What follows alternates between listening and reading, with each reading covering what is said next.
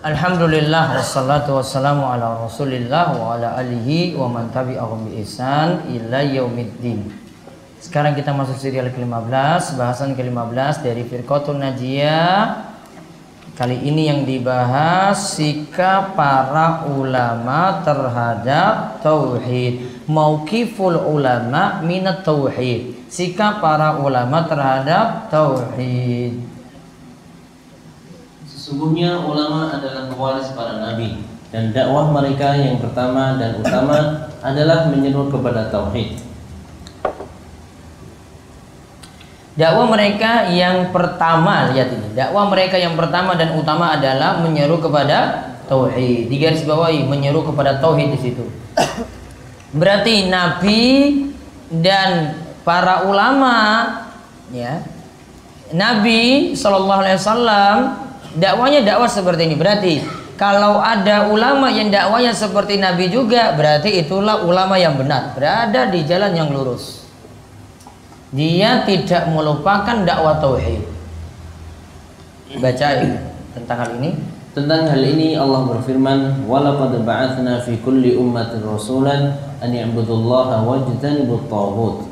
Dan sesungguhnya kami telah mengutus rasul kepada tiap-tiap umat untuk menyerukan sembahlah Allah saja dan jauhilah tagut. An-Nahl 36.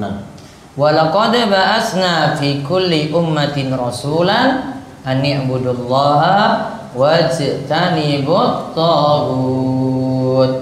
Dan telah kami utus pada setiap umat seorang rasul. Apa tugasnya, misinya apa? Sembahlah Allah dan jauhilah tagut. Tagut itu apa? Segala sesuatu yang disembah selain Allah. Dan ada pengertian togut-togut yang lainnya lagi. Para ulama sebutkan ada ada lima seperti di salah satu usul karya Syekh bin Abdul Wahab. Ya terus karena itu Karena itu wajib bagi para ulama dan para juru dakwah untuk meniru dakwah para rasul, yaitu memulai dakwahnya dengan mengajak manusia kepada tauhid dalam segala bentuk peribadatan, lebih-lebih dalam masalah doa di mana Rasulullah Shallallahu alaihi wasallam telah bersabda, "Ad-du'a'u huwal ibadah." Doa adalah ibadah. Hadis ini diriwayatkan oleh At-Tirmidzi dan dia berkata hadis ini hasan sahih. Nah lihat kalau dakwah para rasul itu seperti itu maka para dai juru dakwah hendaklah meniru dakwah rasul. Lebih-lebih di sini dikatakan kalau mentauhidkan Allah, lebih-lebih lagi dalam hal mentauhidkan Allah untuk perihal doa.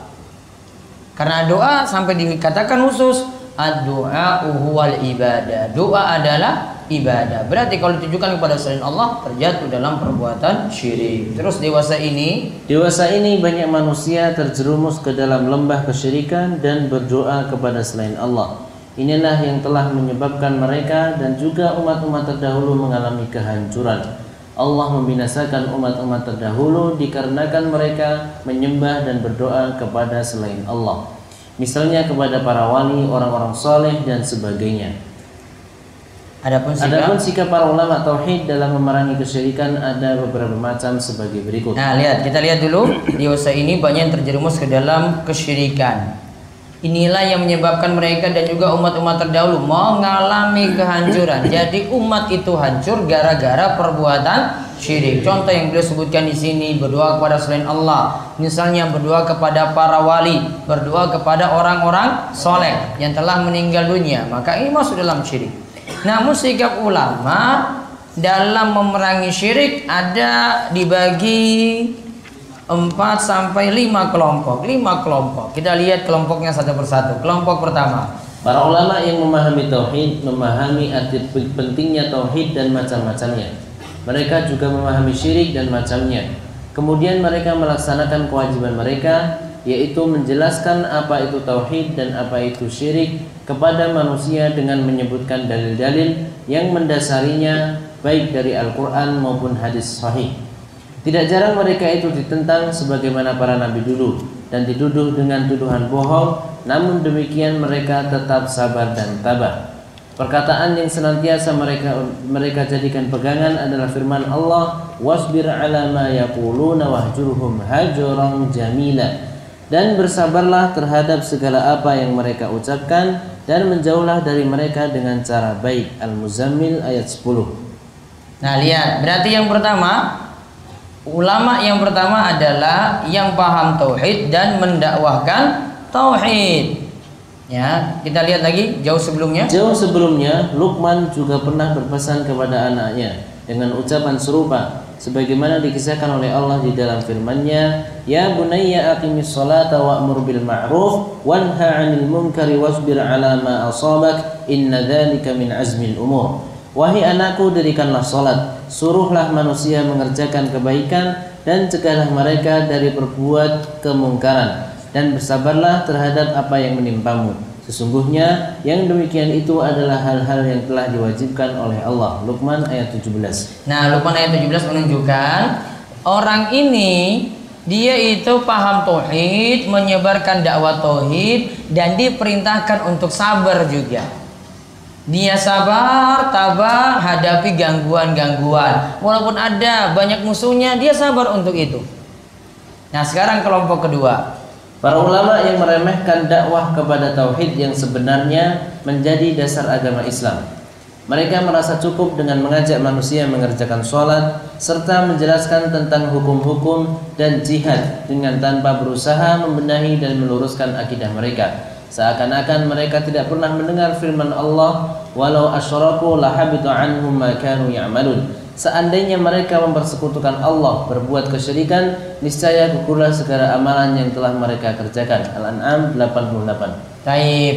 Di sini kelompok kedua kesimpulannya para juru dakwah yang meremehkan dakwah tauhid, cuma mementingkan bahas sholat saja Sholat jelaskan detail ini fikih-fikihnya seperti ini perbedaan pendapatnya seperti ini. Tidak ada dakwah tauhid sama sekali.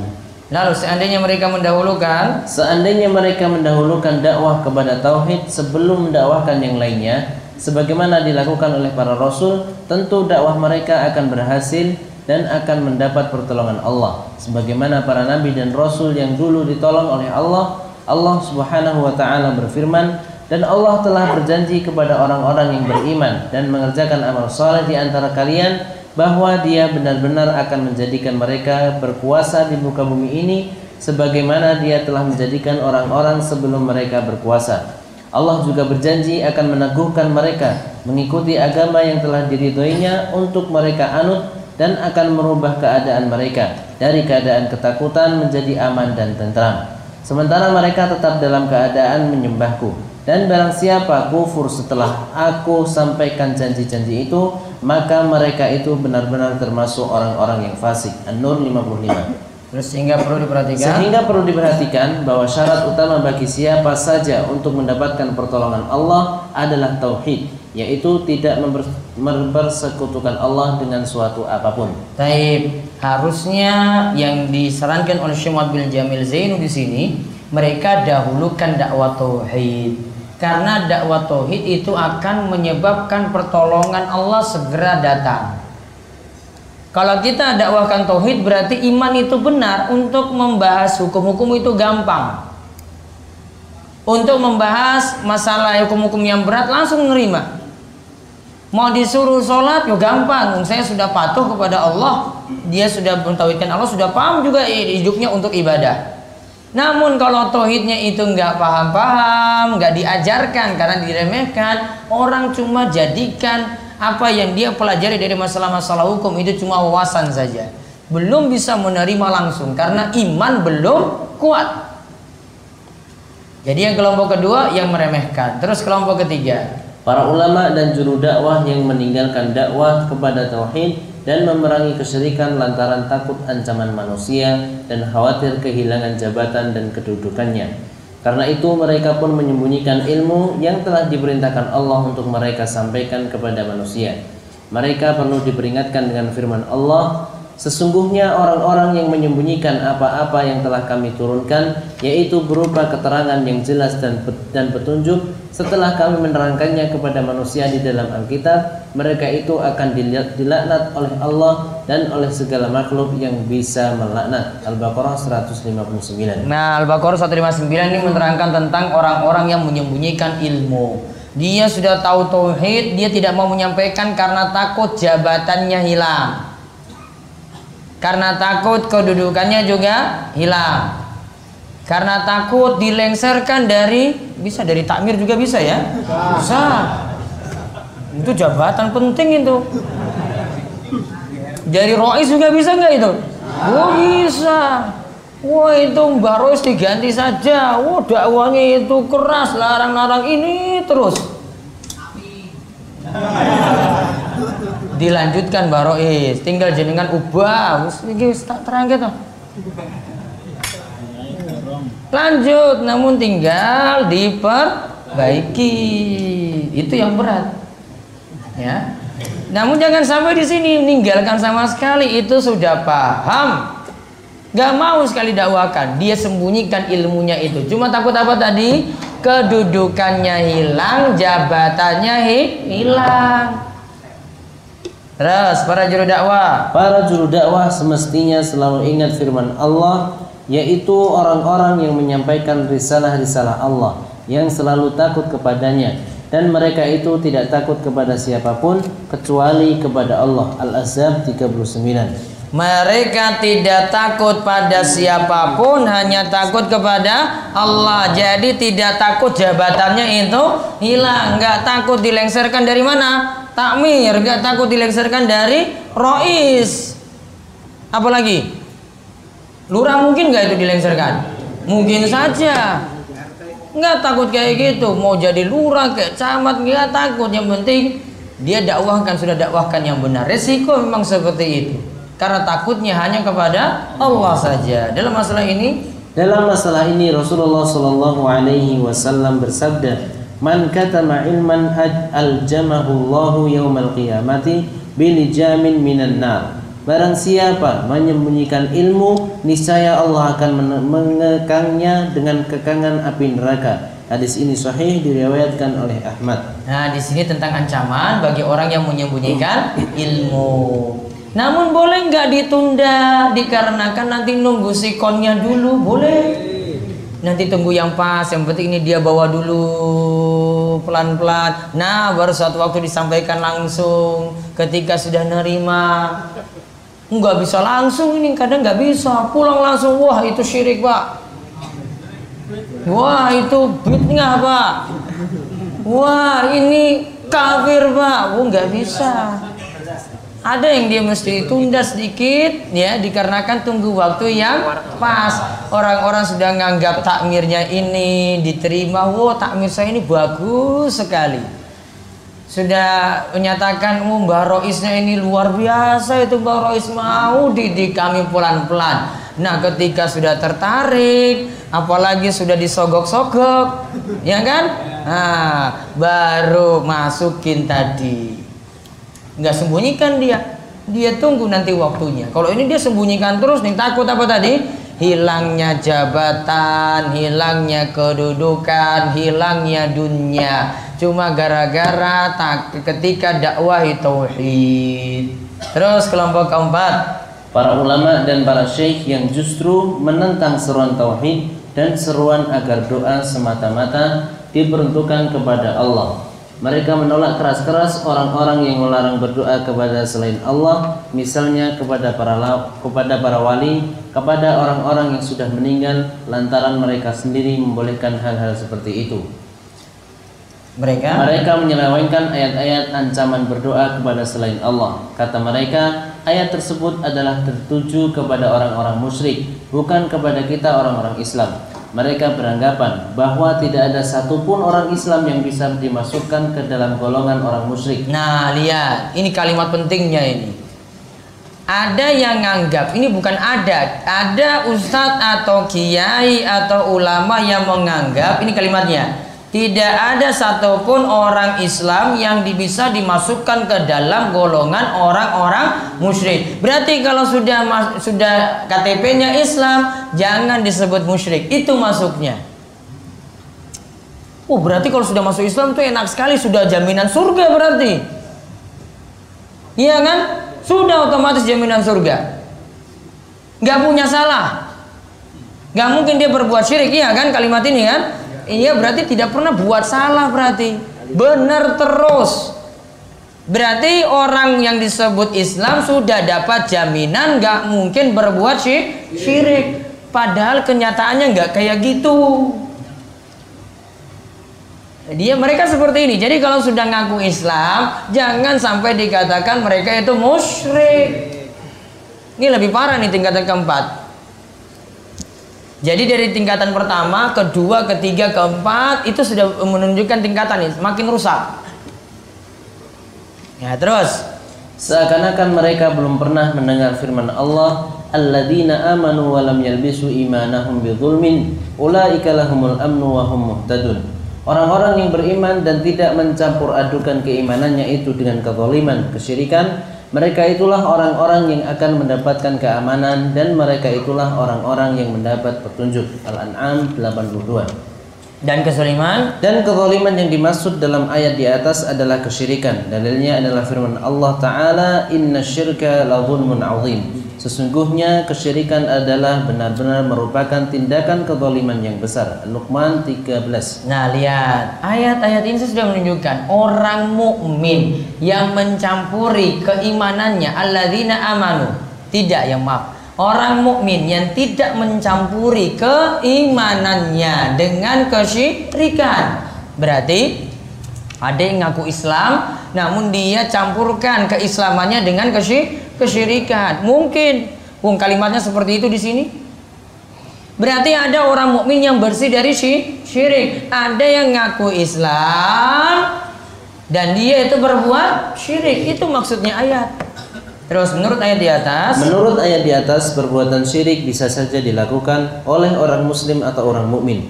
Sebagaimana dewasa ini banyak dilakukan orang di negeri-negeri Islam. Sungguh Rasulullah Shallallahu alaihi wasallam telah memperingatkan para ulama yang membolehkan manusia berdoa kepada selain Allah, mengubur orang mati di dalam masjid, tawaf mengelilingi kubur, bernagar untuk para wali, dan perbuatan-perbuatan bid'ah dan mungkar lainnya. Coba lihat, sungguh Rasulullah telah memperingatkan para ulama. Malah ada ulama yang bolehkan berdoa kepada selain Allah. Ini bukan orang awam, namun ulama. Dia bolehkan juga menguburkan orang mati di dalam masjid. Boleh nggak? Nggak boleh. Kubur tidak boleh jadi satu dengan masjid. Kalau mau sholat di situ boleh atau tidak? Tidak boleh. Kenapa demikian? Perantara menuju syirik. Karena orang nanti lama-lama akan mengkultuskan oh saya sholat di masjid ini kok lebih tenang ya? Memang di situ ada wali Allah yang dikubur di situ Sholat di masjid ini, wah ini nggak ada kuburnya ini kok biasa-biasa aja. Namun situ Allahu Akbar bisa khusuk, bisa nangis, doaku itu bisa diijabai kata dia. Seakan-akan lebih tenang di situ. Nah ini dicegah, makanya tidak boleh sholat di masjid yang ada kubur. Mau ada di arah kiblat, mau ada di halaman masjid. Yang jelas itu kalau masih satu halaman dengan masjid tidak boleh. Paham ini ya? Masih satu dengan halaman masjid pagar ini loh. Tidak boleh. Apalagi lebih-lebih di arah kiblat loh itu. Kalau di arah kiblat itu biasanya itu orang yang beri wakaf. Ya, yang beri wakaf sudah beri wasiat kepada anak-anaknya, besok bapak meninggal, tolong dikuburkan di masjid di arah kiblat. Itu biasanya. Tidak boleh.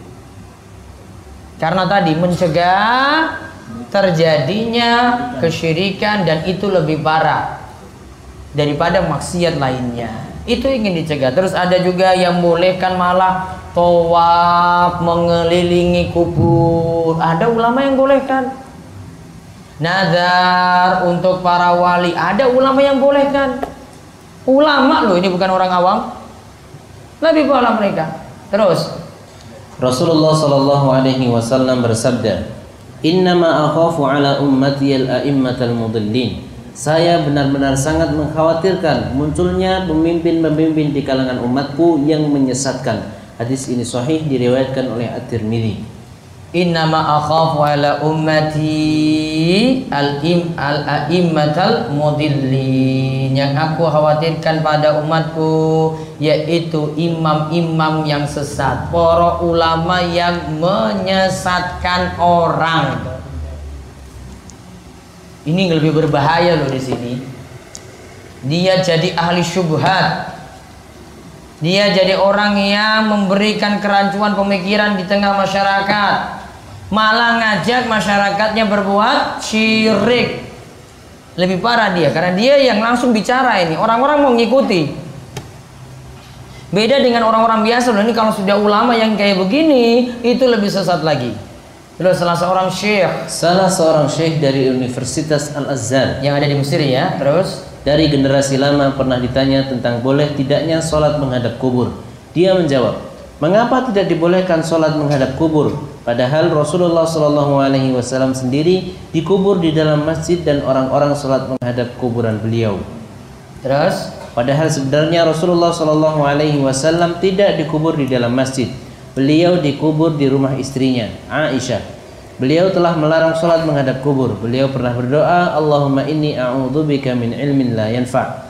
Wahai Allah, sungguh aku berlindung kepada Engkau dari ilmu yang tidak bermanfaat. Hadis ini diriwayatkan oleh Muslim. maksud perkataan Nabi SAW. Maksud perkataan Nabi Shallallahu Alaihi Wasallam di atas ialah ilmu yang tidak aku beri- beritahukan kepada orang lain, yang tidak aku amalkan dan yang tidak bisa merubah akhlak-akhlakku yang buruk menjadi baik. Artinya tidak mungkin Nabi SAW mengatakan ilmu lalu beliau menyelisihinya. Beliau itu larang untuk kubur itu diagungkan berlebihan, lalu beliau jadikan kubur beliau dengan masjid jadi satu. Nggak mungkin. Itu jadi ilmu yang tidak bermanfaat bagi Nabi Shallallahu Alaihi Wasallam. Berarti kalau kita yakini ilmu dari Nabi ilmu yang bermanfaat, berarti ilmu yang beliau ilmu yang beliau miliki itu juga yang dipraktekkan sama. Berarti kalau beliau itu larang untuk sholat menghadap kubur, berarti yang terjadi di masjid beliau itu bukan kubur beliau di dalam masjid. Namun apa? Kubur Nabi SAW di rumah Aisyah. Namun ketika Masjid Nabawi mengalami perluasan, kenalah rumah Aisyah tadi. Buktinya rumah Aisyah itu tidak boleh dipakai untuk sholat. Di atas itu ada kubah hijau. Kubah hijau itu tanda bahwasanya situ rumah Aisyah. Situ ada kubur Nabi dan itu tidak boleh jadi area sholat. Berhenti lama di situ saja tidak boleh. Namun karena perluasan itu dilebarkan ke situ. Namun pelebaran berikutnya tidak kenal lagi bagian itu namun di bagian ya yang berlawanan dengan arah kiblat sampai di daerah-daerah yang lainnya, bukan di daerah situ lagi yang diperluas. Itu buktinya. Jadi yang benar kubur Nabi SAW bukan di dalam masjid, namun kubur Nabi SAW di rumah Aisyah. Sebagaimana perkataan ini. Jadi kalau ada yang mengatakan kubur Nabi SAW di, di dalam masjid, itu nama, namanya saja Nabi SAW tidak mengamalkan ilmunya. Karena beliau sudah larang, kok beliau lakukan? Jadi ilmu yang tidak bermanfaat. Terus yang kelima, Segolongan manusia yang mempercayai dan mengamalkan perkataan para guru dan syekh mereka meskipun melanggar aturan-aturan Allah. Tindakan mereka ini jelas-jelas bertentangan dengan sabda Rasulullah sallallahu alaihi wasallam, "La ta'ata fi ma'siyatillah, innama ta'atu fil fil ma'rufi." Tidak boleh melakukan ketaatan kepada aturan makhluk bila harus melanggar aturan Allah. Sesungguhnya ketaatan itu hanya dibolehkan dalam perbuatan-perbuatan yang baik saja. Hadis ini sahih diriwayatkan oleh Ahmad. segolongan manusia yang mempercayai dan mengamalkan perkataan para guru dan syekh mereka meskipun melanggar aturan-aturan Allah. Artinya di sini kelompok kelima ini berarti cuma ikut guru dan syekh. Cuma mengikuti gurunya, padahal gurunya tadi itu sesat. Asal diikuti. Terus lanjutkan lagi. Pada hari kiamat kelak mereka akan menyesali sikap ketaatan mereka itu. Padahal pada hari itu tidak berguna lagi penyesalan. Allah menceritakan azab yang akan ditimpakan kepada mereka dan orang-orang yang sehaluan dengan mereka. Pada hari pada hari ketika muka mereka dibolak-balikkan di dalam neraka di mana mereka berkata alangkah baiknya andai kata dulu kami taat pada Allah dan taat pula kepada Rasul mereka berkata memohon wahai Tuhan kami sesungguhnya kami dulu hanya menaati para pemimpin dan pembesar kami ternyata mereka menyesatkan kami dari jalan yang benar wahai Tuhan kami timpakanlah azab kepada mereka dua kali lebih berat dan laknatlah mereka dengan laknatan yang terburuk Al-Ahzab 66 sampai 68 Taib. Pada hari ketika muka mereka dibulak balikan di dalam neraka mereka berkata, alangkah baiknya andai kata dulu kami taat kepada Allah dan taat pula kepada Rasul. Mereka berkata memohon kepada Allah, wahai Tuhan kami, sungguhnya kami dulu hanya menaati para pemimpin dan pembesar kami. Cuma ngikut saja. Lalu ternyata mereka menyesatkan kami dari jalan yang benar. Wahai Rob kami, timpakanlah azab kepada mereka dua kali. Maka pengikutnya doakan kepada pembesarnya tadi, timpakan azab baginya itu dua kali. Karena dia telah menyesatkan kami di jalan yang benar, dari jalan yang benar. Terus Ibnu Kasir. Ibnu Kasir dalam menafsirkan ayat di atas berkata, maksud ayat ini ialah kami mengikuti para pembesar dan pemimpin dari para guru dan syekh kami dengan melanggar apa-apa yang diajarkan oleh para rasul kami mengira bahwa mereka mempunyai suatu hujah tertentu dan berada pada suatu jalan tertentu yang lurus, namun ternyata mereka tidak mampu berbuat apa-apa. Nah, berarti kesimpulan kelompok yang lima apa? Mengikuti para guru dan ulama yang sesat. Berarti dibagi lima kelompok. Pertama, yang memahami tauhid dan mendakwahkan tauhid. Yang kedua, yang meremehkan. Ya Yang ketiga, yang meninggalkan meninggalkan dakwah tauhid. Kalau tadi meremehkan. Yang ketiga dia meninggalkan dakwah tauhid sama sekali. Yang keempat menentang ya, menentang dakwah tauhid. Yang kelima ini ada pengikut yang ikut gurunya yang sesat yang memusuhi dakwah tauhid juga dibagi berarti menjadi lima kelompok. Allah alam bisawab selesai sesi ke-15. Mau lanjut ke 16 lagi? Ya, istirahat dulu dua menit.